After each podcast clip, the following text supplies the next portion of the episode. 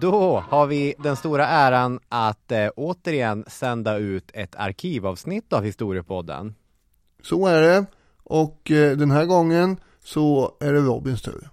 Ja, det är det. Och det var jag som valde det här avsnittet också när det sändes en gång i tiden. Vi har två stycken mycket trasiga, märkliga och intressanta öden. Det är avsnitt 198, balladen om Sid och Nancy. Vilket år är det här? Alltså när avsnittet kom? Kan det vara 2017 kanske? Där någonstans? Ja, det låter troligt. Ja, det här är ju, ja, de var ju trasiga ja. Sid Vicious var basist i punkbandet Sex Pistols och eh, Nancy var hans flickvän. Jag fick eh, kritik efter det här avsnittet för att jag dömde ut Sex Pistols som inte ett speciellt bra punkband. Men där backar jag inte en sekund, utan Nej, okej. Okay. Det är klart att de är viktiga, ja. men ja, det är Så nu kommer det ta ny fart i kulturdebatten här Ja, vill ni ta det är det bara gå in på Facebook-sidan så kan vi fortsätta fejdas kring deras eh, eventuella kvaliteter. Det är två stycken fascinerande människoöden, hoppas ni gillar det.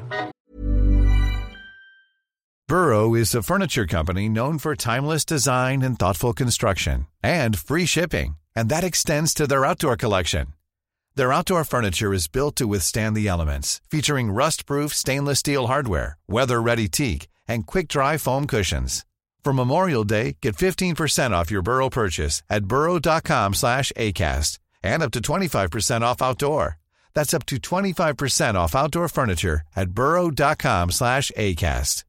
Hey, I'm Ryan Reynolds. At Mint Mobile, we like to do the opposite of what Big Wireless does. They charge you a lot, we charge you a little. So naturally, when they announced they'd be raising their prices due to inflation, we decided to deflate our prices due to not hating you.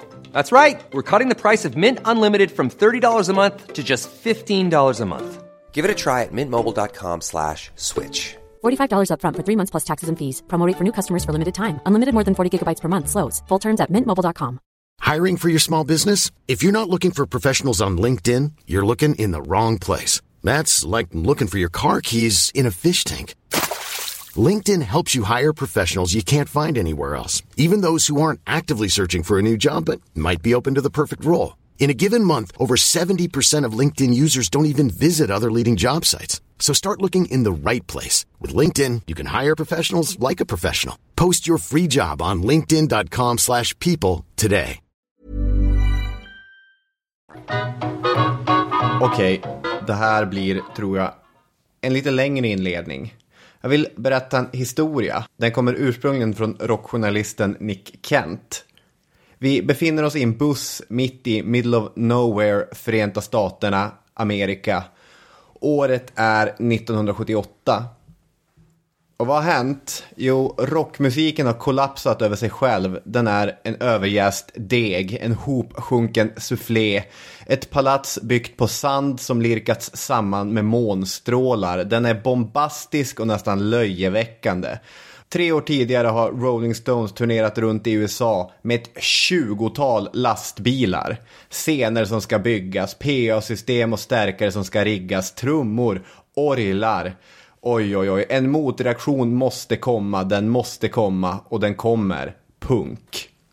I skumma New York-klubbar spelades tre powerackord snabbt och skränigt. Gabba gabba hej. Men det var i England som myllan fanns för att punken skulle kunna närma sig huvudfåran. Där det fanns plats för skitiga ackord, för säkerhetsnålar i öronen, för gelatin i håret. För en kedja med ett hänglås kring halsen för att skrika om anarki, aborter och fascism. För no future. För Sex Pistols. Men det finns en inbyggd motsägelse i all punk. En genre som har motstånd, sparka uppåt, ungdom och revolt i sitt DNA klarar sällan framgång väl. Med en skiva i bagaget ger sig Sex Pistols ut på USA-turné och det är i den där bussen vi befinner oss. Om mindre än två veckor finns inte bandet längre, men det vet de inte än. Och även om det inte är frågan om Rolling Stones och deras 20 långtradare så har Malcolm McLaren, Pistols mytomspunna manager, fixat en lyxig trailer till de fyra unga bandmedlemmarna. Där finns John Lydon, eller Johnny Rotten, sångare och ideolog. Steve Jones och Paul Cook är där, gitarr och trummor. Och sen har vi Sid. Han hette egentligen John, men det fanns redan för många Johns kring Malcolm McLaren, så det fick bli Sid istället. Det var Lydons idé. Denna berättelse och detta avsnitt handlar mycket om Sid och de många problem som Sid har. För han har verkligen många problem. Förutom att managern och bandmedlemmarna finns på bussen har skivbolagsrepresentanter för Warner och ett koppel med fotografer letat sig in också. Och det är en av dessa fotografer, Bob Gruen, som har på sig ett par MC-boots. Stora boots i skinn med liksom stora chok metall, remmar och spännen. Det här är underbara boots. Och Sid vill, nej fan vill räcker inte, Sid ska ha de där skorna. Det är hans skor. Så vid flera tillfällen försöker han köpa bootsen från fotografen, men får alltid nej till svar. Men han kan få låna dem under spelningarna. Och här uppstår nästa problem. Oavsett vad myten säger så kunde alla i Sex Pistols spela sina instrument. Alla utom Sid då. Eller spela och spela, han kunde spela lite bas. Men någon skicklig musiker var han inte. Fingrarna fumlar och han får det inte att svänga. Att spela bas är svårt för honom i alla väder, men nu har det satt sig på självförtroendet. Men precis som Benny Guldfot förvandlades till en liten Pelé när han tog på sig sina magiska fotbollsskor så förvandlas Sid till en rockgud på scenen när han har fotografens MC-boots på sig.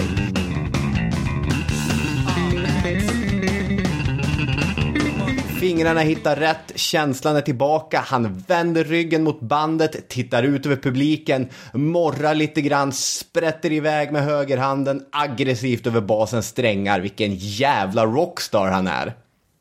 Samma sak inträffar de två följande kvällarna.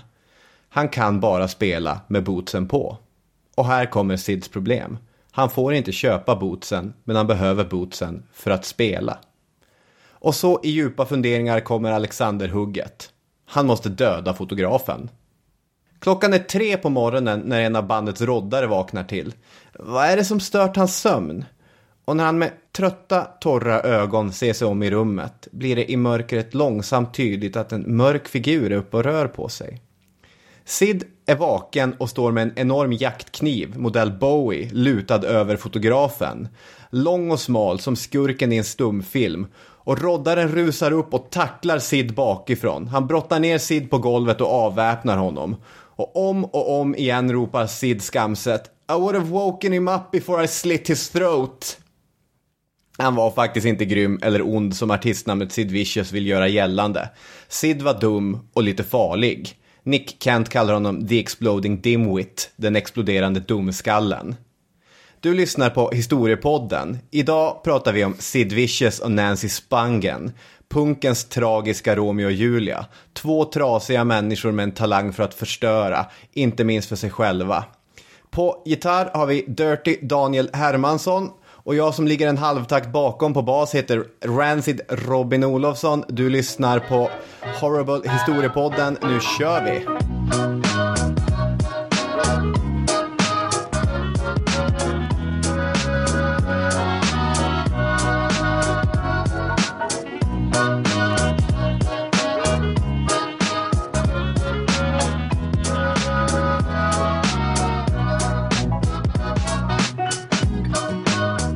Du har hört Punkens historia, ljudbok av Robin Olofsson. Just det.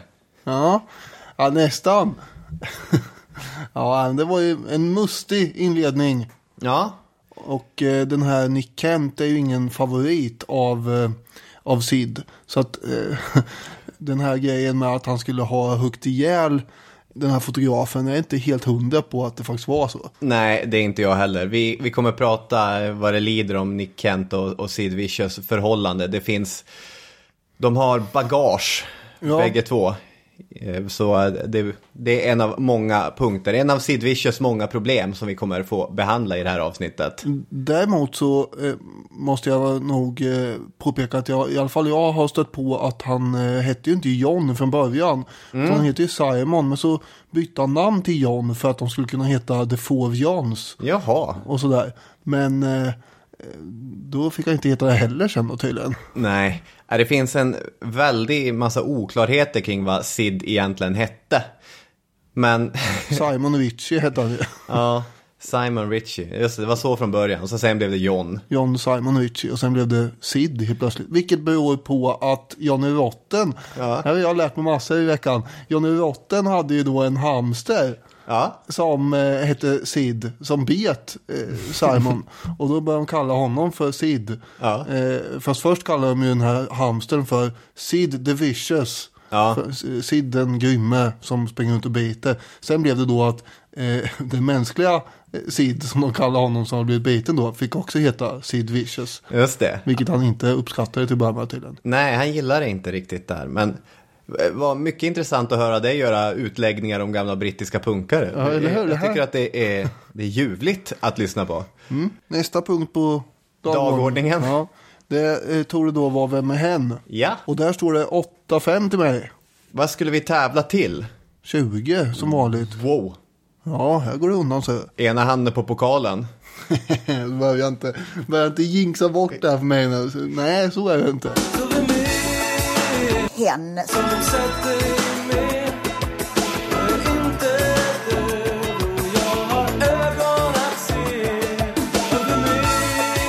Hen. Men jag minns ju också svårighetsgraden förra veckan. Eh, och eh, den här gången är jag en händelse. Oj, Och vi tackar Britta Högström. Som har skickat in den här eh, eh, händelsegrejen då. mm, jag väntar med att tacka tills, Det gör jag. tills poängen är säkrade. Eh, För fem poäng. En kröning av en långlevad drottning är en liten del av historien. Men hon visste säkert att det bara är de som kan få fäste i halkan som får fira segern. Kröning av långlivad drottning torde ju vara Elisabeth. Och hennes kröning var den första som filmades. Eh, Den, den sändes ut via tv. Så jag tänker att det kan ha någonting med det att göra. Men sen så ska det vara fäste i halkan. Ja just det, det är inte en person, det är en händelse också. Ja, nej, mm, vi går på fyra. Vi går på fyra poäng. Som du sa, man vill ju alltid ha en fyra. Speciellt när man inte kan. Ja, just precis. För fyra poäng. Green Boots, liksom Hans Olycksfågel, fanns inte på plats då det hände. Jag kan lägga till här. Våra hjältar behövde inte kliva över lik denna gång. Och vad det kliar i fingrarna. Jag sitter med min dator framför mig att få googla green boots. Det tänker jag inte göra. Ja, den måste jag ju eh, säga och erkänna att den hjälpte inte mig så mycket heller. Faktum är att eh, jag hade inte tagit det på den här nivån än. Och det, då vet vi. Okej, trean. Tre poäng. Nivån då jag tog det för övrigt. Här, ja, okej. Idag kanske du hade klarat av det, vem vet.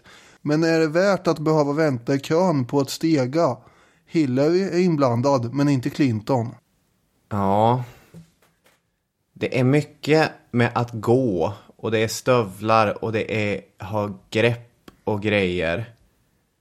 Vänta i kö. Just det, Hillary. Då är det är någon typ av av officer. Det är någon typ av militärt befäl.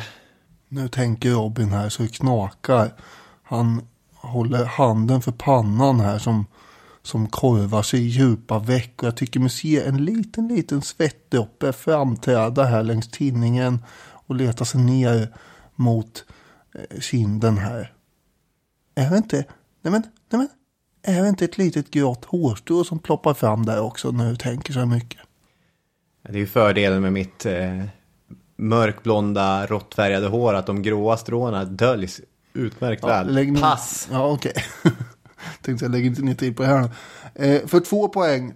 Detta hände samma år som Winston Churchill skakade hand med kungen. Det vill säga 1953. Men det var en nyzeeländare och en kändis från lokalbefolkningen som fick 15 minutes of fame och inte en britt. Nej, nu borde man ju bara gissa på saker som hände 1953, men... Jag fattar inte, 1953 borde ju vara det året Elisabeth kröntes. Men det kanske inte har något med det, alltså jag har ingen aning. Drottning Elisabeths kröning. Det är fel. Ja, det är fel. Det för eh, en poäng. De kände sig toppen på toppen. Slog en drill och undgick det öde som drabbat mer än 300 olika personer. Ett namn stavas nästan som Norway. Hillary var såklart bergsbestigare. Det är eh, först upp på Mount Everest. Och det är korrekt. Grattis Fasen! till en poäng. Och jag tänker inte avkräva det vad de heter, men det är ju Edmund Hillary. Det var därför jag tog det på trean för Ja. för jag vet att han heter det. Och sen var det Tenzing Norgay, den här kärpan som hängde med också. Ja. Och eh, här är vi ju mycket som behöver förklaras och eh, Britta har också skrivit långa förklaringar här som jag kanske inte tar allihop.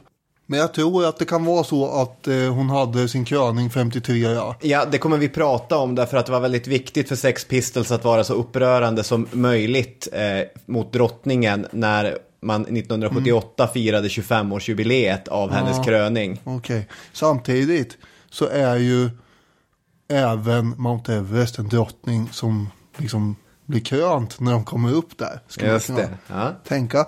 Eh, Fäst i halkan Green Boots är ju då en... ja då! Är det de här som stick... Ursäkta att jag skriker, men är det den här stöveln som sticker upp där man ska svänga? Ja, ungefär så jag, eh, tror jag att man kan beskriva det. Det är någon stackare där som 1996 blev kvar. Det är många som har blivit kvar där uppe. Ja. Men den här killen har ju gröna boots då. Ja, han är liksom ett riktmärke. Ja, precis. Du visste det alltså. Och eh, sen så på trean då. Idag kanske du hade klarat av det. Vem vet jag. Det ska han spela på att det är väldigt många som idag med hjälp av Men man måste stå i kö. Kan eh, tas upp det. Ja, för, precis. För det är på ett ställe där man måste gå en stege upp då. Och då får man liksom stå i kö väldigt länge. Just det. Eh, och så. Och eh, Winston Churchill fick eh, Nobelpris det här året. Ah, just det. Eh, 15 minutes of fame. De var där uppe i 15 minuter. Hillary och Tenzing. Ja. Sen var de tvungna att gå ner. Eh, de hann väl slå en drill där uppe och titta lite och sen gick de ner då.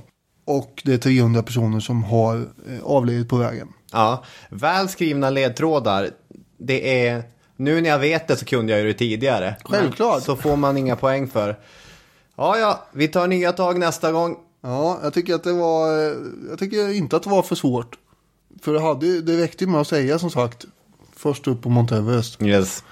8-6. Yes.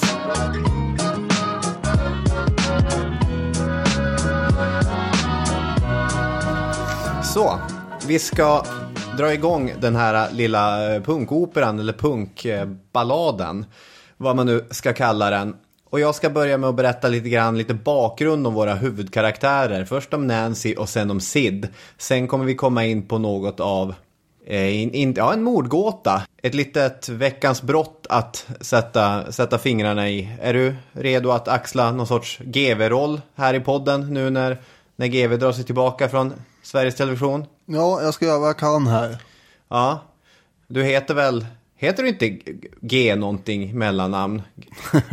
Gunnar någonting? Jag heter Gustav med F och sen, alltså Gustav Gunnar. Ja, så att du kan vara GG Hermansson istället för GV Persson. Ja, just det. Eh, jag utmanar inte inom den här genren eh, brott kan, kan jag säga. Men, eh, men visst, GG, det låter bra. Okej. Det här, det låter ju väldigt bra. Jag tror jag ska byta namn här på Instagram eller något och, och kalla mig för Daniel GG Hermansson. Det är strålande. Ja, okej. Jag vill, vill här efter bli kallad för GG. Okej. Ja, okej, då kör, kör vi så.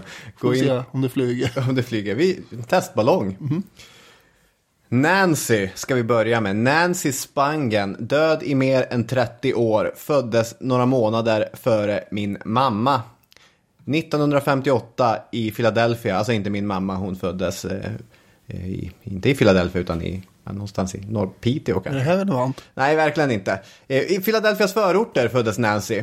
Och hennes tidiga liv finns framförallt beskriven i en biografi som hennes mamma Deborah har skrivit. Den heter Inte som andra döttrar. Det är en ganska gripande framställning om en ung mamma som har en dotter som hon inte kan hantera och därför på många sätt avskyr. Men även om det är bra läsning, det är en, en bladvändare. Jag lånade den från biblioteket förra veckan bara för att titta lite grann i den. Men jag läste ganska mycket i den. Man, man sugs in. Men jag litar inte fullt på den helt enkelt. Det känns inte som nykter historieskrivning. Ett sånt exempel kan vara Pappan flyr från sin bråkiga familj. Han har massa affärer vid sidan av, spenderar massa tid med att spela softball på helgerna. Han är aldrig hemma. Mamman blir ledsen och inleder en egen affär. Och sen så skriver hon om det här, äh, Deborah, alltså Nancys mamma. Jag hade ingen flyktmöjlighet, ingen att tala med. Jag var sårbar. Då jag ser tillbaka på den här upplevelsen blir jag så otroligt ledsen att jag önskar att jag kunde utplåna den ur mitt minne. Men det kan jag inte. Det hände och det hände på grund av Nancy. Och det är väl, alltså det är mycket att lägga på en treåring. Ja, jag tycker det. Och på ett sätt är det en modig biografi där en mamma ganska öppet utmanar ideal vi kopplar till mödrar. Alltså att hon helt enkelt skriver bara, ja, hon var hemsk. Hon var hemsk från det att hon föddes. Och gjorde, allting, gjorde att allting handlade om henne. Och visst, jag älskade henne, men hon var krävande. Men Deborah är lite, hon är lite för nära. Det är inte bara Nancys fel att saker händer. Ja, ja, vidare. Det här livet som Nancy föds in i skulle vara trygg amerikansk medelklass. Tråkig och trygg. Dubbel-T. Hennes två yngre syskon hade inga problem att sålla sig till det, men Nancy bröt mot allting. Redan som liten, innan hon kunde prata, så började hon markera sin frustration för sin omgivning. När hon är bara några år gammal så hotar hon mamman med att om de inte går ut och leker i parken så kommer Nancy klippa sönder varenda plagg i mammans garderob. Och då stammar, ungen stammar då, Nancy stammar, hon bara I will cut your blouse, I will och så en lång, lång lista på varenda litet plagg som mamman har i sin garderob. Och hon står där och, och verkligen blir panikslagen. Ett, hur vet ungen vad jag har i min garderob? Hon har väl aldrig varit i min garderob. Och hon säger jag ska gå och hämta saxen där. Och om du inte gör det här. Det är ett ganska manipulativt sätt att få leka lite grann. Resultatet blev en lång rad av läkare, psykiatriker och andra människor med mer eller mindre svåruttalade yrkestitlar. Och man kommer fram till att Nancy har ett högt IQ men är motoriskt eftersatt. Och de första läkarna tror hela tiden att när hennes kropp hinner ikapp hennes intelligens, då kommer hon lugna ner sig. Det där kan man ju tänka själv, att man är intelligent och man vill kunna skriva, man vill kunna göra saker. Men så har du de här händerna som inte vill lyda, en kropp som inte vill lyda dig. Men så kommer det aldrig ske. Och slutligen, efter hon har blivit äldre och ännu, ännu bråkigare, så får hon träffa en läkare som sätter en schizofrenidiagnos på henne. Men lite tidstypiskt så får mamman inte reda på det här förrän efter dotterns död. By the way, din dotter var schizofren. Visste du det? Det är ju ganska märkligt. Det är ganska märkligt. Nu ska det kanske sägas att det är lite oklart huruvida den här diagnosen är riktig eller inte. Men om det stämmer som Deborah Spangen påstår så är det någonting man ska ha med sig att Nancy har grava psykologiska problem. Men i övrigt så kommer hon från trygg, tråkig bakgrund. Och hur gör man från trygg, tråkig bakgrund när man har en bråkig dotter som inte vill göra någonting, som bara vill mobba sina syskon, vända dem mot varandra, hota sin mamma till livet, inte kan få några vänner, inte kan behålla några vänner. Vad gör man då? Jo, man skickar iväg henne. Antingen till boarding school eller sen när inte det funkar till olika stängda boenden. Så med den här ganska stökiga bakgrunden bakom sig så hamnar hon slutligen i New York som 17-åring. Då är vi kring 1975 eller så. Och New York i mitten av 70-talet, där börjar punkscenen ta form. Det man brukar kalla protopunk, alltså punk före punken finns. Det finns ju ganska mycket fikonspråk inom musikhistoria. Om, man ska, om man ska börja på det sättet. Det påminner, vi snackade om lite tidigare, att ibland när vi har haft kanske något avsnitt om något slag eller liknande så har jag suttit och förbannat vissa av de här böckerna som använder sånt, sånt otroligt fikonspråk, rena grekiskan när de ska beskriva en enkel grej som att ett par hästar rider fram och sen rider tillbaka. Solklara fakta som presenteras. Ja, precis. Men eh, jag, nu läste jag de här, eh, ja men till exempel den här boken som heter Pretty Vacant, punkens historia en gång för alla av Phil Strongman. Och det finns samma tendenser inom musikhistoria. Bland annat Eddie and the Hot Rods som beskrivs som postpubrock. Postpubrock. Ja, man håller på med pubrock efter eh, pubrockens storhetsperiod. I New York så fanns eh, band som New York Dolls, eh, The Heartbreakers, de gjorde sin grej. CBGBs var den legendariska klubben, ett litet ställe med en känd logga som både jag och tusen andra svenska eh, posörtöntar haft tryckt på våra t-shirts. Fyra stycken bokstäver, en liten klubb i New York där man spelade. Där skulle både Ramones och Talking Heads blöda på scenen.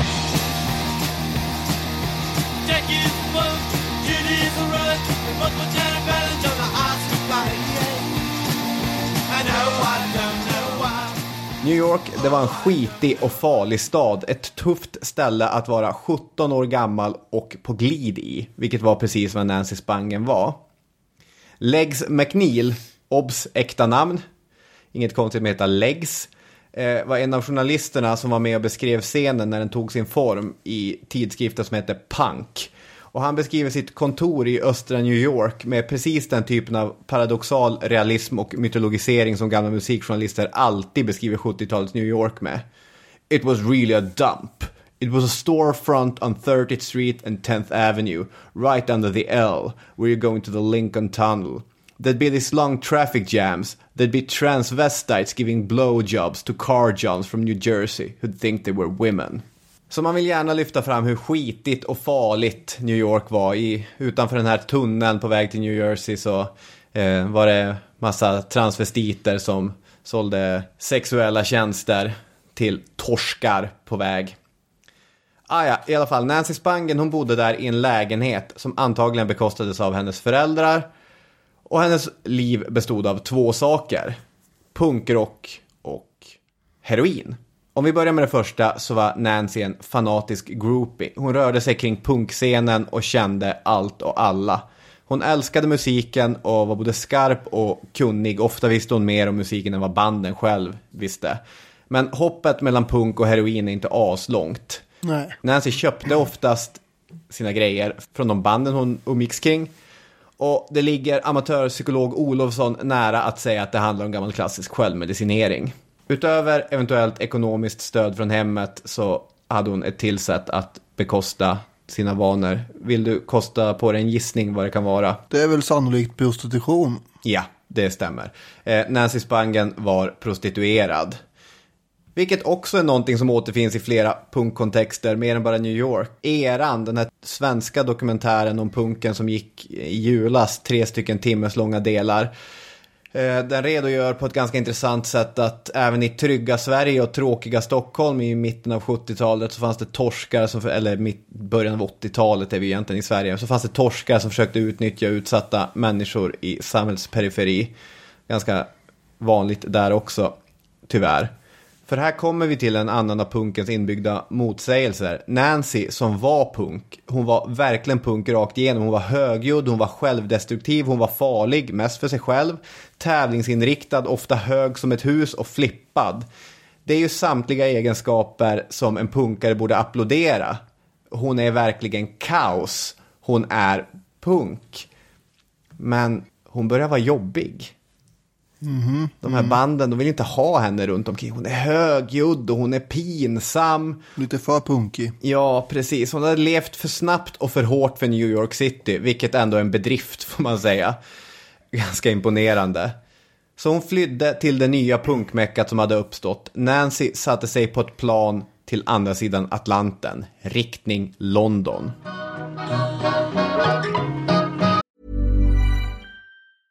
Hey, I'm Ryan Reynolds. At Mint Mobile, we like to do the opposite of what Big Wireless does. They charge you a lot, we charge you a little. So naturally, when they announced they'd be raising their prices due to inflation, we decided to deflate our prices due to not hating you. That's right. We're cutting the price of Mint Unlimited from $30 a month to just $15 a month. Give it a try at mintmobile.com slash switch. $45 upfront for three months plus taxes and fees. Promo rate for new customers for limited time. Unlimited more than 40 gigabytes per month. Slows. Full terms at mintmobile.com. Millions of people have lost weight with personalized plans from Noom, Like Evan, who can't stand salads and still lost 50 pounds. Salads, generally, for most people, are the easy button, right? For me, that wasn't an option. I never really was a salad guy. That's just not who I am. But Noom worked for me. Get your personalized plan today at Noom.com. Real Noom user compensated to provide their story. In four weeks, the typical Noom user can expect to lose one to two pounds per week. Individual results may vary. Burrow's furniture is built for the way you live.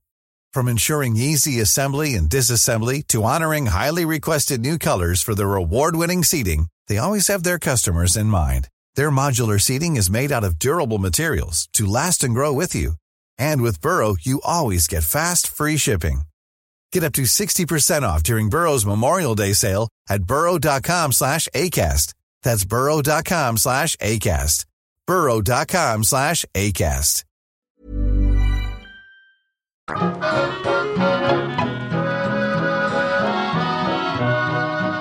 Ja, då backar vi bandet här. Sid Vicious då, vad var han född sa du? Nej, det sa jag nog inte. Nej men vad, vad hette han när han föddes? Jaha, Simon. Simon Ritchie. Just det. Eh, och John la han till senare. Ja. jag hittar ett faktafel här. Jag har skrivit född John Simon Ritchie, men det stämmer inte. Eh, han var född året innan Nancy, 1957. Eh, uppvuxen i utkanten av östra London. Han hade ingen pappa och hans mamma var ensamstående och därtill pundare. När hon blev ensamstående så verkar hon ha fejkat ett intyg för att få plats i ett speciellt lägenhetshus för narkomaner. Vilket kanske inte är en så bra miljö att befinna sig i. Först började hon deala för att tjäna pengar, sen började hon själv att bruka. Och Phil Strongman skriver att hon under perioder var tillsammans med Ray Davis, The Kinks legendariska frontman. Så att, eh, Hon heter ju Ann Beverly och är en eh, eh, speciell typ av mamma då. Mm. Får man ju säga. Vad jag förstår så är det inte hon som eh, introducerar heroinet för, för Sid. nej, Men- det var Johnny Thunder i The Heartbreakers.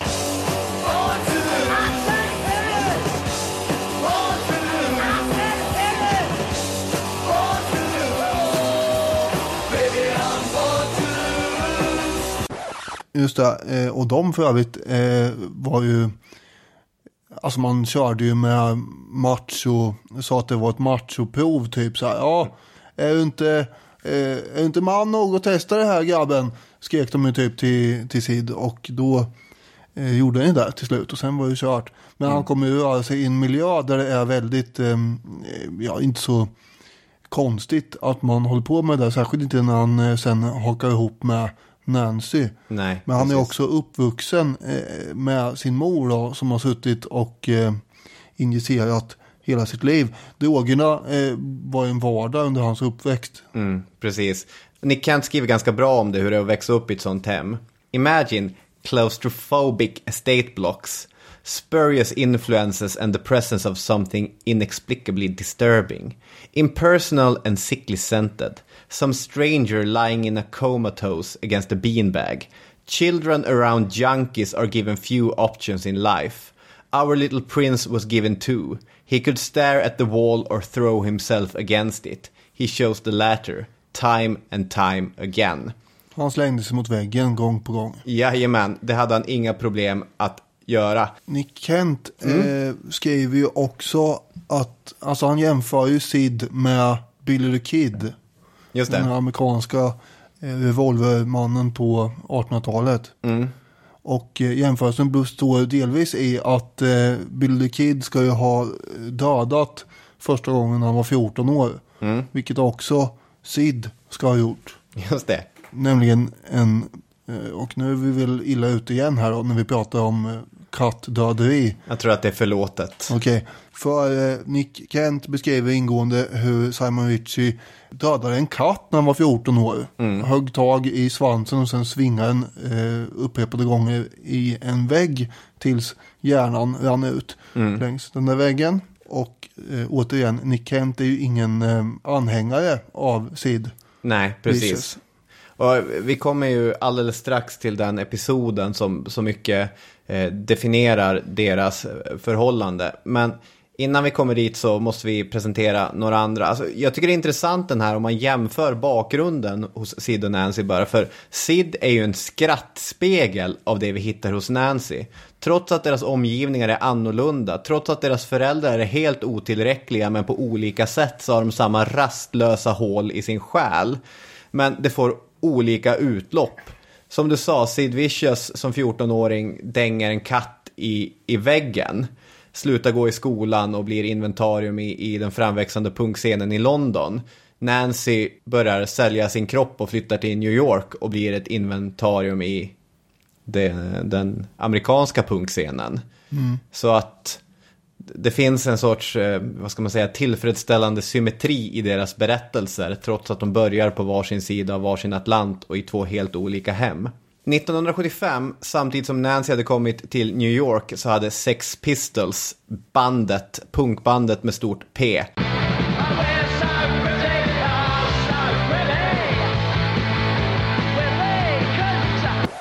Eller, det ska jag säga redan från början, jag, jag förstår hur viktiga Sex Pistols är och att de var den stora symbolen för punken. Sen som så jäkla mycket har inte de att komma med när man ska göra någon sorts kanon över den stora punken och den stora rockmusiken. De är en promille av vad till exempel The Clash var. Men Sex Pistols är ändå liksom den starkaste punksymbolen. När min syrra skulle börja lyssna på punk i, i Arvidsjaur som hon gick väl någon, någonstans i högstadiet. Det första hon gjorde var att hon beställde en Sex Pistols pin och satte fast på sin väska. Oj, så, eh, så rebelliskt. Ja, men då har man markerat lite grann att jag är inte som, som de andra fåren här. Ja, verkligen. Ja, men och, och det, jag, Det är inte riktigt eh, på samma nivå som, eh, som Sid Vicious när han kränger på sig sin hakkorströja och knallar igenom de judiska kvarteren i Paris. nej, absolut. För Eh, det gör han ju bland annat vid Ja. ett tillfälle. verkligen. Eh, det är lite, ja men det är olika kontexter. Man kan vara olika mycket rebellisk. Ska jag säga att min syster är en mer balanserad människa än vad Sid Vicious Ja, det får man faktiskt hoppas. också. Malcolm McLaren heter mannen bakom Sex Pistols. Han är en butiksägare i London som hade hoppat runt mellan Englands olika konstskolor. Det blev kanske aldrig någon examen, men han samlade på sig intryck och blev intresserad av en konstriktning som heter situationisterna. Det är en avantgardisk konströrelse med italienska rötter som förespråkade att man skulle skapa happenings. Kanske till och med performances, om man vågar använda det begreppet, för att göra politiska och konstnärliga markeringar. Italien har en ganska stark tradition av den här typen av konsten. Vi har ju snackat om de fascistiska modernisterna i i de italienska futuristerna helt enkelt. Men det här är senare. Och de här idéerna, de situationistiska idéerna skulle han bära med sig och genom att korsbefrukta dem med populärmusik, med rockmusik så skulle han skapa en våldsamt effektiv brygd. Tillsammans med sin flickvän Vivienne Westwood, som också hon är legendarisk modeskapare och helt central i det som håller på att ske, så driver de en butik på Kings Road i Chelsea.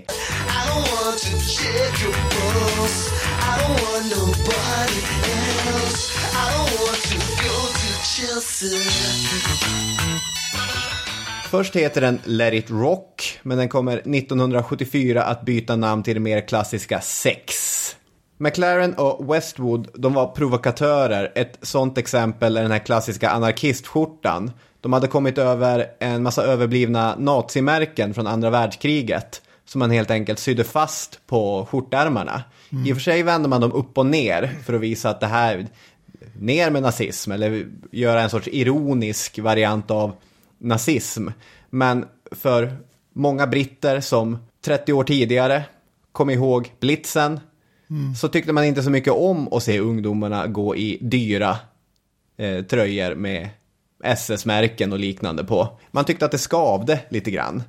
Och på t-shirts på de här butikerna så skrevs provokativa meningar och mer och mer fetischmode, läder och sånt började presenteras också. I de här butikerna, om man hängde där i mitten av 70-talet så skulle man se människor som då knappt var kända men som sen kommer att bli några av seklets absolut kändaste människor. Vänta här nu lite. Ja, Seklets absolut mest kändaste människor. David Bowie. Jaha. Ja, det vet... Ja, okej. Ja, ja, ja, men då är jag med.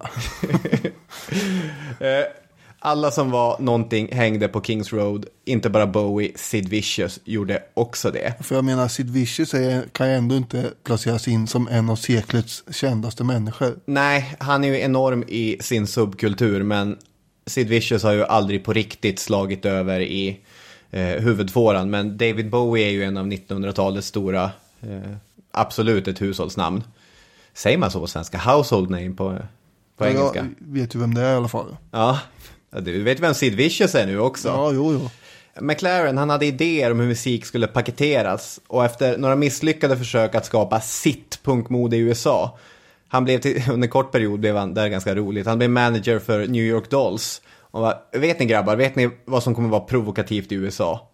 Vi gör så här att vi klär er helt och hållet i rött läder och så sen hänger vi upp Sovjetunionens flagga i bakgrunden. Och så spelar ni skiten bara ur, ur publiken nu. Ja, det, Det slog inte. Det gjorde inte. Nej, det gjorde inte det. Så att han fick kicken och så åkte han hem till London där han började smida sina planer. Glenn Mattock som var den ursprungliga basisten och därtill låtskrivaren och faktiskt tillsammans med Johnny Rotten en av de två riktigt begåvade människorna i bandet. Han jobbade i butiken och bara här har vi en basist. Speciellt tur så hade han när han skulle, alltså Malcolm McLaren, när han skulle ragga upp sin sångare John Lydon. För Som är då Johnny Rotten. precis, Johnny Rotten med sin nerviga stämma, sina provokativa textrader, sin verkligen skogstokiga scenpersona. Han såg till att göra bandet kontroversiellt på riktigt. Det var, det, var hon, det var han som BBC hade problem med. Den största tidiga skandalen är till exempel att de svär i direktsänd tv. Oh my god. Det var andra gången det hände i brittisk historia. Det är ju helt sjukt i och för sig. ja, okej. Och man, man fick be om ursäkt. De blev uthängda som paria i hela den brittiska tidningsvärlden. Det är ju intressant i, i England att de här äh, skvallertidningarna är så konservativa. Det är inte långt till moralpanik här. Nej, precis. Och även att på, på sida tre, visst är det page 3, där har man lite porr. Men i resten av tidningen så är det bara här gubbar som säger att vi måste värna om den anglikanska kyrkan och, och liknande. Alltså, eh, deras version av God Save the Queen blev total förbjuden på radio. Ja, precis. Det är ju inte, det är inte en tolkning av, av God Save the Queen, utan det är ju en, en, en egen låt bara med, med samma namn. Jo, jag har ju alltså sett, jag har faktiskt kollat på Ja. YouTube. Tyckte att det var medryckande. Nej, ja, alltså nej. Nej, nej, jag hade nog eh, varit en av de här bekymrade gubbarna som ville prata anglikanism istället. S- Sa han God Save the Queen, a fascist regime? Det är, oj oj oj. Eh, Johnny Lydon, det är det sista bara ovidkommande faktan. Han eh, hade ju inte råd att handla på sex, även om han hängde där. Istället brukade han köpa billiga kostymer, slita upp sömmarna och sen nåla ihop dem med säkerhetsnålar. För det fanns två olika sätt att vara punk. Antingen kunde man köpa de här svindyra kläderna i olika hippa boutiques. Eller så kunde man bara vara jävla kreativ. Han var ju en sån, han var en, en urkraft inom punk. Första singeln, Anarchy in the UK, som du sa, innan den blev bannlyst så släpptes den 1976 på EMI. Och det är också en intressant detalj att trots att Sex Pistols är det stora punkbandet så har de hela tiden legat på stora skivbolag. Och Malcolm McLaren som en slug jäkel har plockat ut stora, stora förskott. Alltså de här svenska punkbanden spelade ju in sin musik på en potatis i en källare i Rågsved. Eh, men så gick det inte riktigt till när Pistols fick sina eh, skivkontrakt. Då är inte Sid med i bandet, men Sid Vicious började hänga kring Lydon och han var även bekant för McLaren. Nick Kent skriver så här. Sid initially adored Lydon with his higher intellect and a clear cutting edge to his loathing. When the latter was asked to join Sex Pistols, Sid and the others became a leering Gestapo for Lydon's Top Cat persona.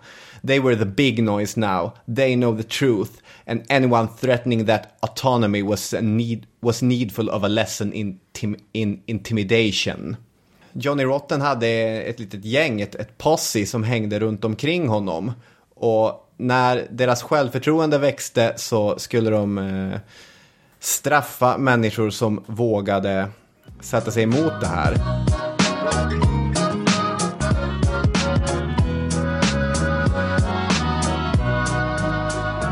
Nu kanske vi ska ta tag i det här. Vad har Sid Vicious och Nick Kent egentligen för, för otalt med varandra? Det här är en viktig fråga också, för jag, jag ska bara ta fram det. Det här är Fredrik Strage från i fredags. Eh, Den heter, vad heter texten? Mitt hjärta bultar hårt när jag får reda på vem hans far är. Och då skriver Fredrik Strage om en ny intressant artist. Eh, James Kent heter den här artisten. Och så börjar hjärtat slå. För Fredrik Strage bara, kan, kan det? Det är Nick Kents son. Oh my det är God. Nick Kents son. Hörde ni det alla? Nick Kent är ju älskad i rockjournalistträsket. Därför, dels för att han var så stor stilist och för att han levde rocklivet. Alltså han var ju själv under perioder heroinist och eh, han försökte bli manager i Sex Pistols. Och det som Strage skriver då är strax efter att ha lämnat bandet blev Nick Kent attackerad av den blivande Sex Pistols-basisten Sid Vicious som slog honom blodig med en cykelkedja. McLaren sa att Nick Kent fått vad han förtjänade. Unga punkare följde Sids exempel och försökte knivhugga den berömde journalisten när han visade sig ute. Nick Kent överlevde, sedan försökte han ta livet av sig själv med heroin. Och det här stämmer, Sid Vicious gav sig på eh, Nick Kent med en cykelkedja, men jag tycker att man måste berätta hela historien där. Det kan ju vara rimligt. Jag läser från Phil Strongman här. Nick Kent hade stormat in på sex, arg som ett bi. Han var upprörd på sin flickvän, Chrissy Hind. Eh, min anmärkning, Chrissy Hind är då rockgudinna, blivande frontperson i The Pretenders. Otroligt inflytelserik också. I like the way you cross the street, cause you're precious. Moving through the Cleveland heat house, precious. Eh, fortsätter läsa. Därför hade han bestämt sig för att lära henne en läxa offentligt. Inför McLaren och Westwood, som knappt kunde tro sina ögon, drog han sitt tunga läderbälte och slog Hind medvetslös. Just det. Det är, det är en hämndaktion. Eh, Det Vicious gör ja. Ja, precis. Mot eh, Kent. Ja. Men de har någonting otalt mellan varandra. Nu, Nick Kent var inte den enda personen Sid Vicious gav sig på. Han gör samma sak på en klubb när några människor vägrar flytta sig för Vivienne Westwood. En av de här som, som drev sex. Hon bara, det här är min plats ni har. Bara, Screw you, det här är våran plats. Och så kommer Sid Vicious och gänget och bara pucklar på dem. Ni flyttar er när Vivienne Westwood ska ha sin plats. Ehm, så, ja ja. En liten utvikning till där ja. Det var en liten utvikning där. Glenn Mattock kommer hoppa av bandet därför att han och Johnny Rotten drar inte lika. Och då har man en, en färdig ersättare där. Vi har den här killen som kan spela bas. Han har spelat bas i lite olika band. Lite olika eh, punkband i London. Han är inte jättebra men han är snygg. Han klär sig förbannat coolt. Och Där är man hemma. man är hemma. På, alltså, på ett sätt är det imponerande. Den här snubben, ingen skolgång, låg IQ, en extrem självdestruktivitet. Att han har lyckats positionera sig så att han bara kan gå in i ett av Englands då hetaste band. Jo, det är ju imponerande. Och 1977, som vi nu har slagit fast är lagom till drottningens, drottningens 25-årsjubileum, så kommer nästa stora singel, God Save the Queen då. Och nu är bandet det ikoniska bandet som vi känner. Sid har sin vita bas, sin uppknäppta skinnjacka, ingen tröja under. Han har den här kedjan kring halsen som är sammankopplad med ett hänglås. Han har mörkt hår som är spikat åt alla håll som har fått en riktig jävla elchock. Och i de artiklar som skrivs om bandet så mässar han ut att alla egentligen förtjänar spö. Han säger “Grown-ups have just got no intelligence as, at all. As long as you're a kid you're aware and you know what's happening. I've got absolutely no interest in pleasing the general public at all. I don't want to because I think they're largely scum and they make me physically sick.” Och egentligen är det här en rätt blyg kille. Ja. Eh, Men han utvecklar en slags roll som är, eh, går ut på något helt annat. det, är, det är en bra poäng som du gör. Att det är när kameran är på, det är när han står framför en journalist eller det är när, framförallt när han står på scenen som Sid Vicious är Sid Vicious. Han säger att hippies, de ska ha spö, posörer, på dem bara, uniformer, töntar. Han säger också att han är the most sexless creature in the world. Alltså att han är helt ointresserad av sex. Sen kommer han träffa Nancy Spangen. Jag vill också eh, skjuta in den här eh, musikvideon till ett liveframträdande. Där är han ju i och för sig eh, singel, alltså ensam, inte med bandet. Så jag vet inte om det här efter Sex Pistols har lagt ner. Men Ja, det här är från en, en film. ja, det är den här när han sjunger My Way. Ja, precis. Eh, Man gjorde den där eh, i flera olika tagningar som sen klipptes ihop. Men det slutar med att han tar fram en pistol och skjuter ihjäl en kvinna som föreställer vara hans mor. Ja, Det är en väldigt blodig eh, avslutning på det där. Och eh, eh, högst chockerande. Eh, och får naturligtvis stort genomslag också. Precis som man hade tänkt sig.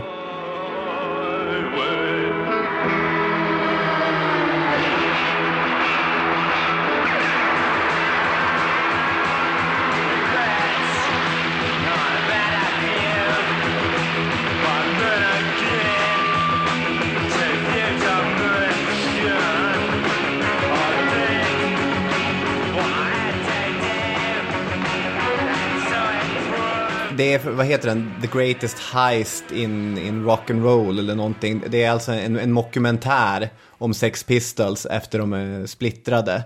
Där Malcolm McLaren spelar en, en riktig så här, skurkaktig typ som eh, sätter bandet mot varandra.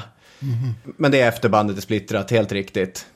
Men nu har ju de här två träffats då. Yes. Nancy och eh, Sid. Och enligt uppgift så eh, blir ju både bandet och Sid sämre efter att de två har träffats.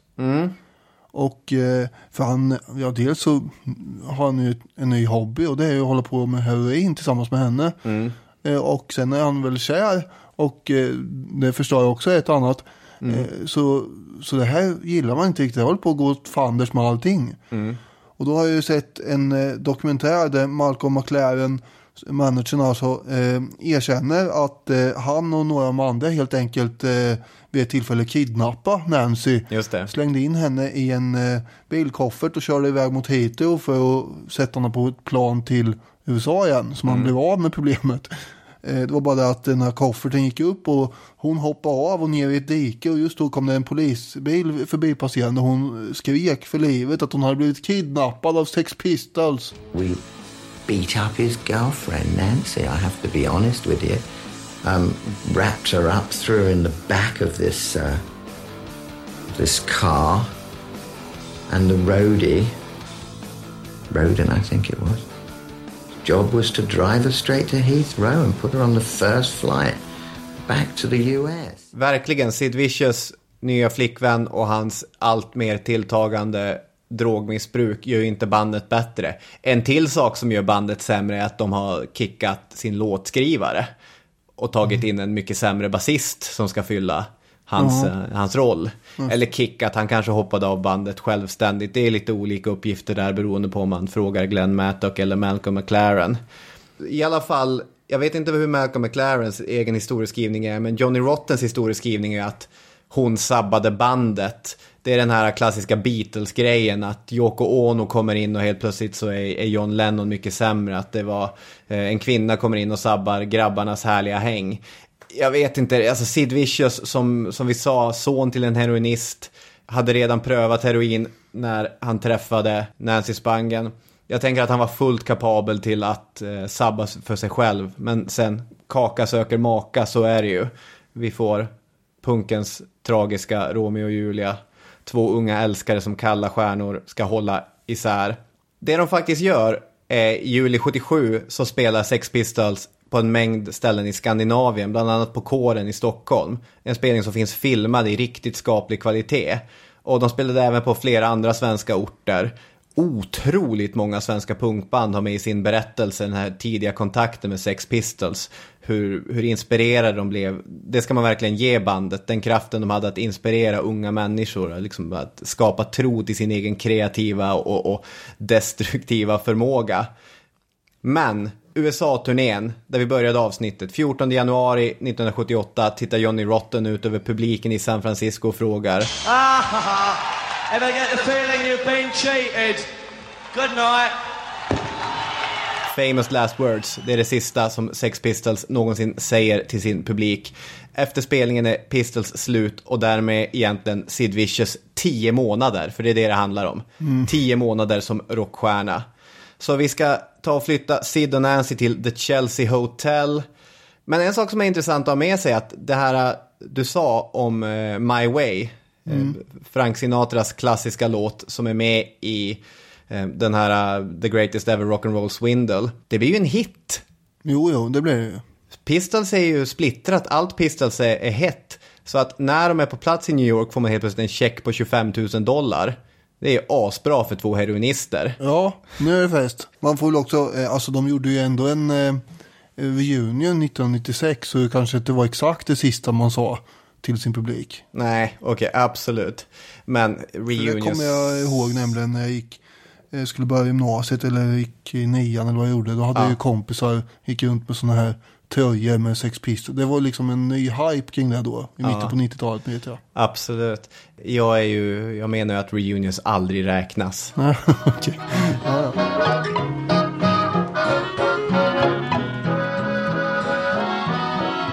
De bor på Chelsea Hotel i New York som är ett superlegendariskt eh, hotell. Patti Smith, eh, Rock'n'Roll Hall of Fame, världskänd poet och eh, punkikon. I den här boken Just Kids 1970 så bodde hon där. I remember you well in the Chelsea Hotel. You were talking so brave and so sweet. Janis Joplin som Leonard Cohen har skrivit om i låten eh, Chelsea Hotel nummer Det två. var där David Bowie föddes. Var det? Nej, jag har inte en aning. Det Men, kan jag inte tänka mig. Men, Nej, ja. ja, nej, okej, vi glömmer det. Ja. Jag tänkte klämma in eh, att det, det är liksom, eh, allt händer här. Eller? Nej. Ja, men mycket händer på Chelsea Hotel. Det är eh, ett mytomspunnet ställe. Och särskilt kommer det hända grejer den 11 oktober då. För då är vi ju fest med en, eh, ja dels den här, de här pengarna som du nämnde. Ja. Som man har som kapital så att säga till eh, festrekvisitan. Ja. Som kommer att eh, innehålla en hel del droger är tanken. Men det är lite svårt att få tag på droger i New York på den här tiden. Konstigt nog. Särskilt eh, just eh, heroin i alla fall. Just det, heroinet är dyrt och utblandat. Mm, ja, det, det är någon eh, olycklig dipp i produktionen och eh, försäljningen av det här just då. Tillgång och efterfrågan. På sitt hotellrum så kommer det i alla fall bli en tillställning med massa avdankade rockartister och en massa ja, knarkare och annat löst folk. Man har inte järnkoll på vilka som var där egentligen helt och hållet heller. Nej. Ja, det har två versioner här då, kan man säga. Ja. Som vi får försöka ha i huvudet samtidigt. Den ena är då Nick Kents version. Som man kanske ska ta med en um, bägare salt. Enligt honom så har efter det som kommer att hända nu en inspelning gjorts. Eh, där eh, Richie, eh, han har försökt då ta sitt liv genom att skära upp handlederna. Och eh, enligt den här inspelningen som en eh, utav personerna som kommer att eh, liksom hälsa på honom när han ligger där och håller på att dö, som heter Joe Stevens. Han har spelat in den här då. Eh, och eh, Richie ligger ju där och håller på att förlora kontakten med verkligheten i takt med att blodet rinner ut ur kroppen på honom. Och när han ligger där och håller på att dö så frågar den här personen vad det var som hände vid ett annat tillfälle, det vill säga då när Nancy Spangen hittas dödad i ett tidigare tillfälle. Och då så ska eh, Sid ha börjat berätta här då. Eh, och eh, han hade gett sig ut tidigare eh, på det här Chelsea Hotel för att försö- försöka ta, få tag på heroin och misslyckats. Han hade bankat på en massa olika dörrar på hotellet och skrikit efter knark. Eh, någon hade öppnat och slagit sönder näsan på honom. Eh, för de tyckte att han var jobbig som vrålade efter det. Och sen tillbaka på hotellrummet så hade Nancy blivit så förbannad att han inte hade fixat eh, några droger här. Så hon slog honom också över näsan igen. Vilket då gav en kopiös smärta förstås. Aj, aj, aj. Och lämpligt nog placerat eh, vid bordet så låg det då en stor kniv som Sid plockade upp och högg Nancy i magen med. Kent skriver It was hopeless, stupid and typical of their relationship. Minutes later they were embracing, reconciled. Alltså återförenade igen och inte ska vi hålla på och bråka. Fan. Men problemet är att eh, hon har blivit knivhuggen och han har eh, ett krossat näsben. Och hon sliter ju bara ut kniven ur magen utan att lägga om såret. Sen kommer hon och lägger sig i sängen. Och under tiden så ska Sid ha knallat iväg på ett möte till, eh, men, ja, på en metadonklinik med sin trasiga näsa. Ja. Så det blev ingen fest av det här riktigt. Och när han kom tillbaka så hade Nancy kravlat in på toaletten och dött.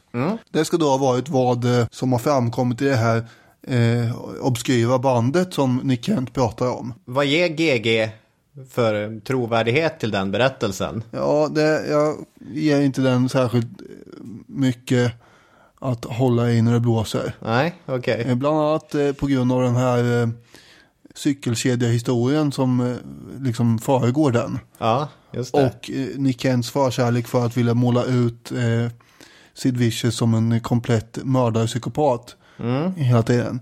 Eh, bland annat eh, den här historien du berättade i början med, med fotografen och, och skorna och det.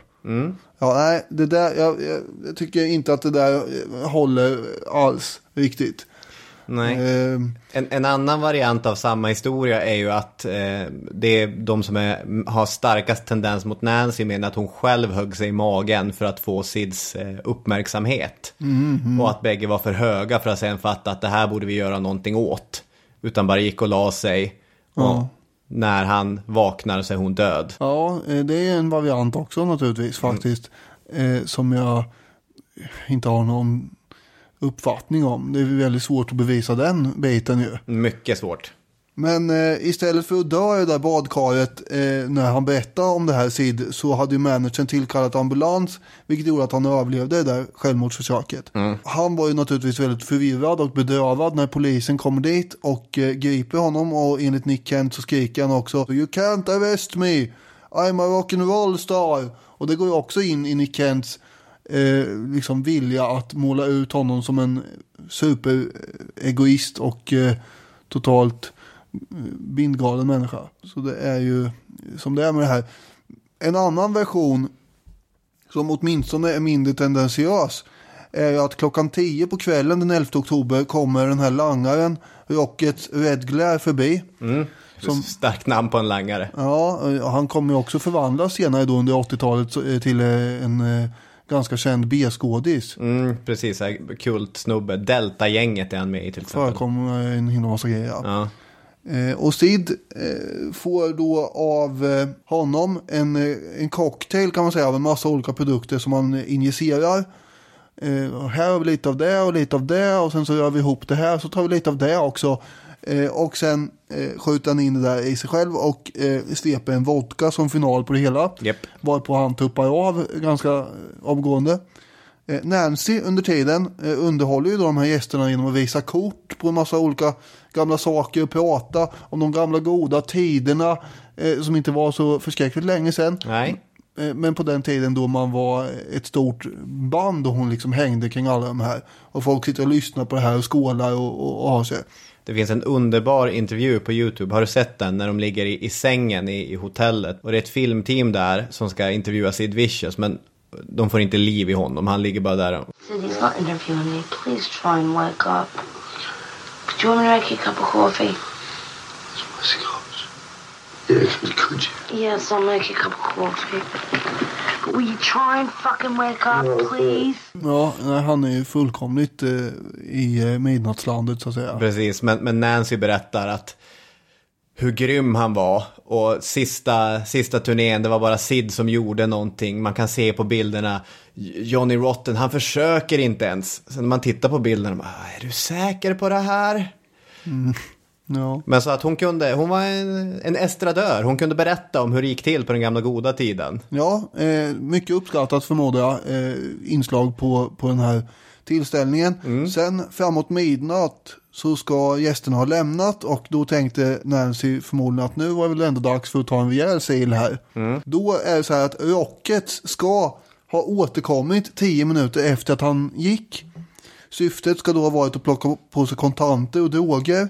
Han vet ju att hon eh, har väl förmodligen hunnit eh, redan ta de här drogerna och är på väg bort in i sin värld.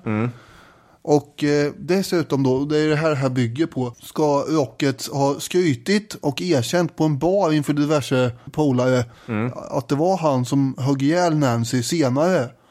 Och eh, han har då visat upp eh, en bunt nedblådade sedlar som var hennes för att styrka det här. Eh, det här dröjer ju dock dessvärre flera decennier eh, innan den här uppgiften kommer fram. Men eh, vad som händer är ju helt enkelt att hon, hon blir dödad av någon och enligt den här uppgiften eh, att eh, Rocket ska ha erkänt och skrytit om det här sen då så var det ju han då i så fall.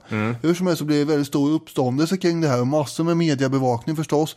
Sid grips och hamnar på eh, Rikers Island som det här fängelset heter. Just det. Och där blir han misshandlad och våldtagen och eh, allmänt, eh, eh, ja, eh, det är ju en förskräcklig miljö på det här fängelset. Verkligen. Så där vill han inte vara kvar. Och han är naturligtvis också väldigt osäker när han vaknar upp på om det är han som har huggit ihjäl Nancy eller inte. Ja, För det här måste ju vara, alltså, där kan man ju själv känna vilken otrolig obehagskänsla. För även de hade ju en helt jättetragiskt förhållande, men de älskade ju varandra. Och att inte veta om det var du som dödade personen du älskade eller inte. Ja, Det är ja, tufft. ja, han går ju in i en, eh, en nattsvart eh, depression här helt enkelt Ja. också. Och vill helst av allt bara dö så han får återförenas med henne. Mm. Men eh, managern Malcolm McLaren lyckas ju skrapa ihop eh, borgenspengarna på eh, 25 000 dollar. Ja, precis. Och dessutom McLaren sätter näsan i vädret och är, är det uppmärksamhet som jag känner? Ja, eh, det här, det här är ju uppmärksamhet. Eh, ja, han blir ju mer omskriven än någon annan i Sex Pistols eh, efter det här åtalet. Jep.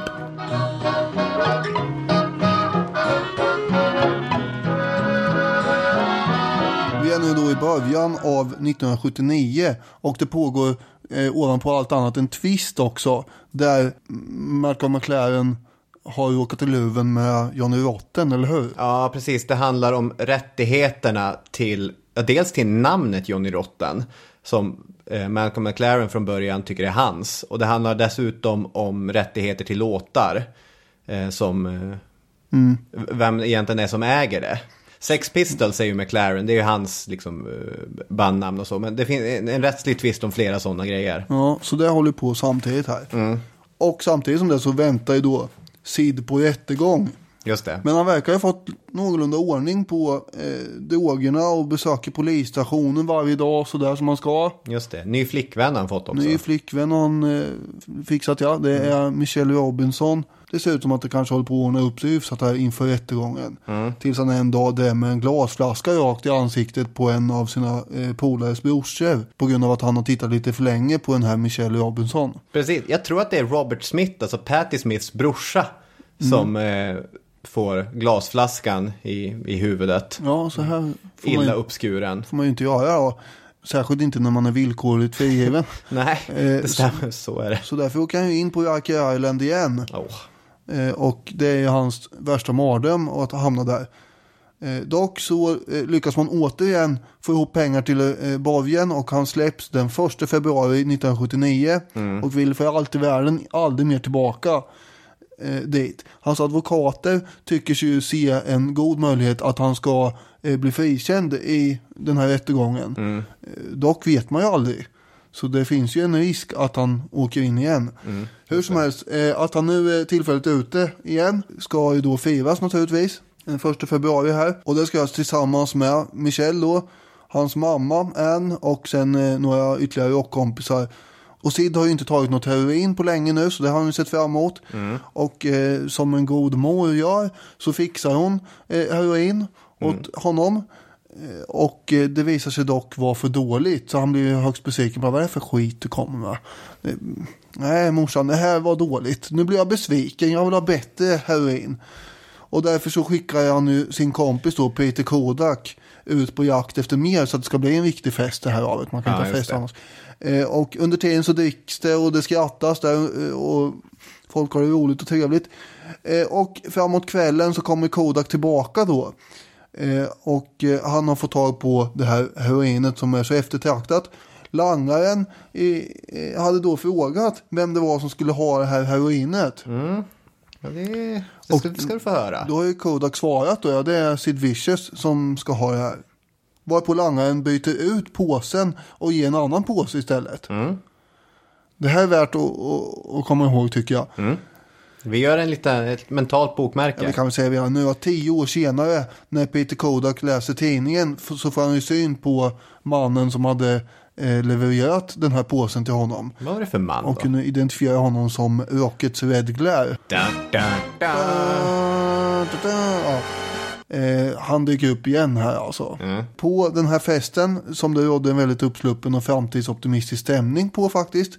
Eh, Sid hade för en gångs skull eh, skämtat och visat upp lite, lite hopp inför framtiden och eh, klivit ut ur sin eh, mycket djupa depression. Mm, hans mamma eh, har ju sagt det om honom att han var inte självmordsbenägen. Det här var en person som hade tagit sig förbi vid lite tuffa grejer. Den första silen beskriver ju hans eh, mamma som en fin sil. För det lyste nästan om honom som från en aura.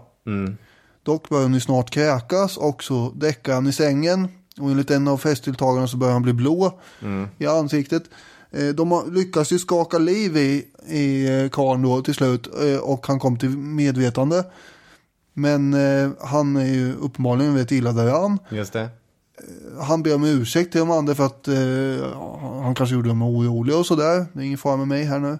Han hade ju överdoserat många gånger i sitt liv. Ja, Så att- jo, det, det här är inget... Jag råkar överdosera lite grann. Det, det är lugnt. Vilket också beror på att det var länge sedan han eh, hade tagit någon heroin. Och Mm. då ska man inte ta, nu låter det som att jag vet saker och ting här, det gör jag inte. Utan jag har sett dokumentärer. Ja. Man, man måste ta eh, rätt mängd där då. Och han har lite svårt att hålla igen på det där kanske. Mm. Under natten så drar Peter Kodak därifrån. Han har gett resten av eh, heroin som är kvar till Sids mamma. Och så lämnar han hotell, det här hotellrummet. Ungefär vid två på natten. Och därefter så ska då Sid ha försökt övertala Michelle och ge honom en ny sil. Han behöver hjälp med det. Eh, hon vägrar göra det här just då. Hon, hon säger det här fixar jag inte. Eh, och så går hon bara ut ur rummet och då kommer istället hans mamma in för att prata med honom. Och strax före Anne Beverleys egen död, eh, 1996, så erkände hon för en journalist att det var hon som gav sin son då ytterligare en dos. Just det. Precis innan hans mamma dog så sa hon ju åt Alan Parker, som är den journalisten då, att Ja. Sid var, var oskyldig. Och, och Alan Parker började ett stort filmprojekt efter det här. eh, som eh, resulterade i filmen Who Killed Nancy. Just det. Den här journalisten är också övertygad om att hon gav Sid en medveten överdos.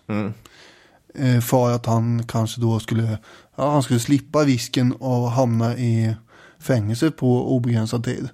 För det var han ju så orolig för. Men hur som helst så kommer han ju aldrig vakna upp efter den där silen. Utan han, eh, han har ju insomnat här för evigt helt enkelt. Precis. Och det är inte jättelångt efter det att Nancy har eh, dött. Nej. Däremot en månad efter Sid Vicious död så eh, tar sig hans nya singel in på toppen av de brittiska listorna och säljs i 392 000 exemplar. Och bara farten och sådär. Och eh, vem, vem är det som hovar in de här pengarna förresten? Ah, det är väl antagligen Malcolm McLaren. Ja, alltså jag vet inte. Jag frågar ju dig för jag tänker att du kanske har... Nej. Men, men det låter ju rimligt. Det, jag törs inte svära på det, men det är ju inte... Jag vet inte, det hamnar väl knappast i Sid Vicious dödsbo. Nej, nej. Ja, Ja, mycket pengar det har blivit i alla fall. Och han blir väldigt omskriven. Eh, men han är ju som sagt död vid det här laget. Det finns en ganska, jag vet, gripande är väl fel ord, men det finns en eh, makaber berättelse i eh, Deborah Spangens bok då, när, jag tror att det är dagen efter som Sid Vicious är död. Och så kommer de hem och då står det ett helt hav av journalister utanför deras hus i Philadelphia. Och de vill ha en kommentar. Sid är död, vad hände? Bla bla bla bla. Och en massa brittiska tabloidjournalister också. Som försöker häckla eller håna henne till en kommentar. Hon tycker att det är så fruktansvärt. Så de kommer in, då ringer telefonen. Svarar hon hej? Eller det är hennes man som svarar och ja, räcker över telefonen och så är det tyst. Och så är det tyst. Och så sen börjar en eh, engelsk accent prata och då är det Sids mamma som frågar om hon får begrava Sid bredvid Nancy. Jaha. Ja, hur blev det med det då? Ja, jag- vet ju att, att, de, att det, det är tråkigt och men de tycker ju så mycket om varandra. Nej, det blev ingenting med det. Nej. Och, eh, Deborah Spangen sa eh, blankt nej till det. Ja, för vid det här tillfället så var det ganska oklart om det inte var så att Sid hade huggit ihjäl eh, deras dotter ju. Japp. Men om man då ska göra en liten analys här. Ja, intressant. GGs analys. Ja, vi får ju komma ihåg här att badrummet där eh, Spangen hittas är totalt överbelamrat med eh, fingeravtryck. Det är Ja. en massa folk som har rört sig där inne. Jag älskar den här programpunkten. Ja, fortsätt. Ja, så man kan ju, man kan ju, man, man kan ju se på det här ur olika perspektiv. Om man rent ser det, om man ser det rent juridiskt, om man tänker att det ska vara eh, ställt bortom alla rimliga tvivel, Just det.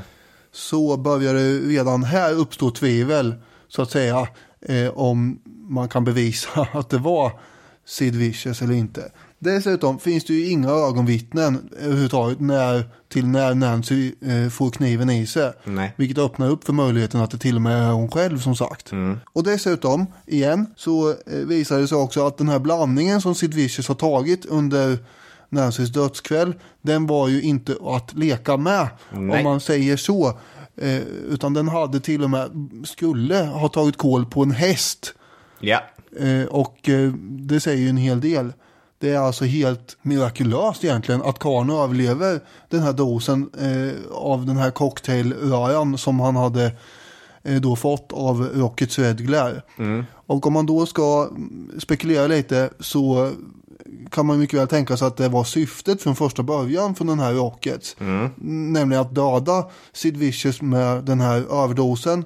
Och eh, sen efter att alla andra hade dragit därifrån och eh, Nancy var kvar själv så skulle han gå in och helt enkelt ta allt av värde. Men då visade det sig att Nancy fortfarande är vaken och eh, tar honom på bar gärning och då hugger han ihjäl henne. Det här bygger ju då återigen på att det han har eh, skrytit om och sagt eh, på en bar eh, ungefär vid det här tillfället när eh, Sid eh, är liksom fängslad, att det stämmer och är sant. Vilket inte är helt osannolikt. Har man huggit ihjäl någon på det här viset så brukar det finnas en vilja att prata om det på olika sätt. Kanske i skrytigt sammanhang eh, över några glas tillsammans med några rövarpolare. Och eh, jag, jag tror att det är den mest troliga förklaringen att det är Rockets Red Glare som har helt enkelt begått det här. Den här Rockets Red Glare är en obehaglig typ. Jo, det är han ju. Försöker du härma Ja, det var inte bra. Men ä, absolut, det är nästan precis den eh, grejen som poliserna i three, three Billboards Outside of Ebbing, Missouri säger att till eh, mamman vars dotter har blivit mördad och våldtagen att vi kommer få vänta och nästa år eller om tio år kommer det sitta någon snubbe på en bar och skryta om vad han har gjort. Och det är så, så man får dem. Det gäller att ha tur. Ja. Eh, nu är väl ordet tur ingenting som, eh, som man kan strössla allt för mycket över, över det här sammanhanget. Och även om Rocket Red Glare är den eh, högst eller mest sannolika så vet vi ju inte heller. Ja, jag skulle nog vilja hävda att eh, Nu har vi det här självförtroendet vi vill ha från vår kriminalexpert jag kommer äta upp min egen snusdosa utan ketchup om eh, man skulle kunna eh, motbevisa detta. Snyggt.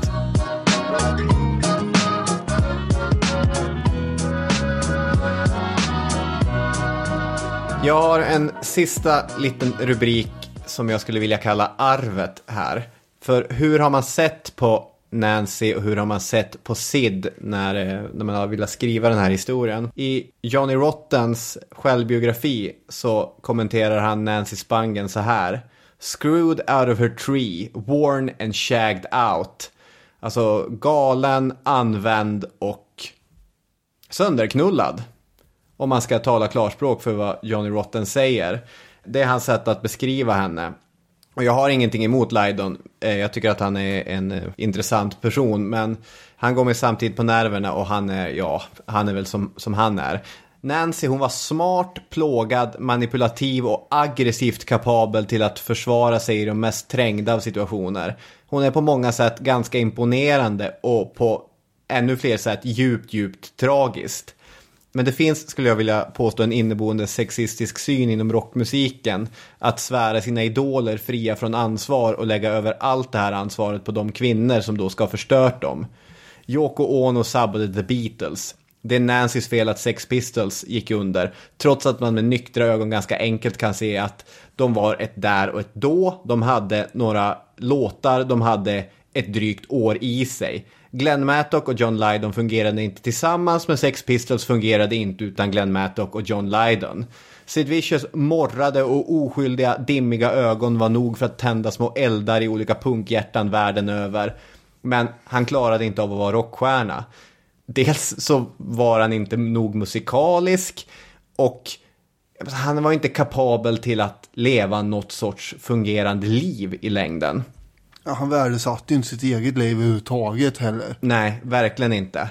Den sista parallellen man måste göra då är ju till världens sista rockstjärna. Oh, provokativt påstående som antagligen inte stämmer. Man, eh, Amy Winehouse kanske är en, en, annan man skulle kunna lyfta fram. Kurt Cobain och Kurt Cobains eh, Courtney Love. You should learn how to say no. Första gången som Kurt Cobain såg Courtney Love ska han ha sagt till en kompis att hon ser ut precis som Nancy Spangen. Vilket Courtney Love gör. Och vilket var en eh, djup, djup komplimang från Kurt Cobains sida. För han idoliserade den här eh, tragiska Sex Pistols-grejen. Och Kurt Cobains heroinbruk kan också beskrivas som självmedicinering. Dels hade han fruktansvärt ont i magen och dels var han ett svart hål av ilska och tvivel. Det var ett bruk som han hade innan han träffade Courtney Love. Det faktum att de tillsammans sjunker in i det och att det sen bara spårar totalt har gjort att många Nirvana-fans vill beskylla Courtney Love för Kurt Cobains självmord. Trots att allting visar att Kurt Cobain var fullt kapabel till att inte bara skjuta sig själv i foten utan, ursäkta att jag blir morbid nu, men skjuta sig själv i huvudet med ett hagelgevär också. Eh, Sean O'Hagan skriver i The Guardian Separated by 15 years in death, both men as Cobain or Sid Vicious were products of single parent households, various stepdads, a low sense of self-worth that celebrity magnified. All that baggage was there before the fame, before the heroin habits.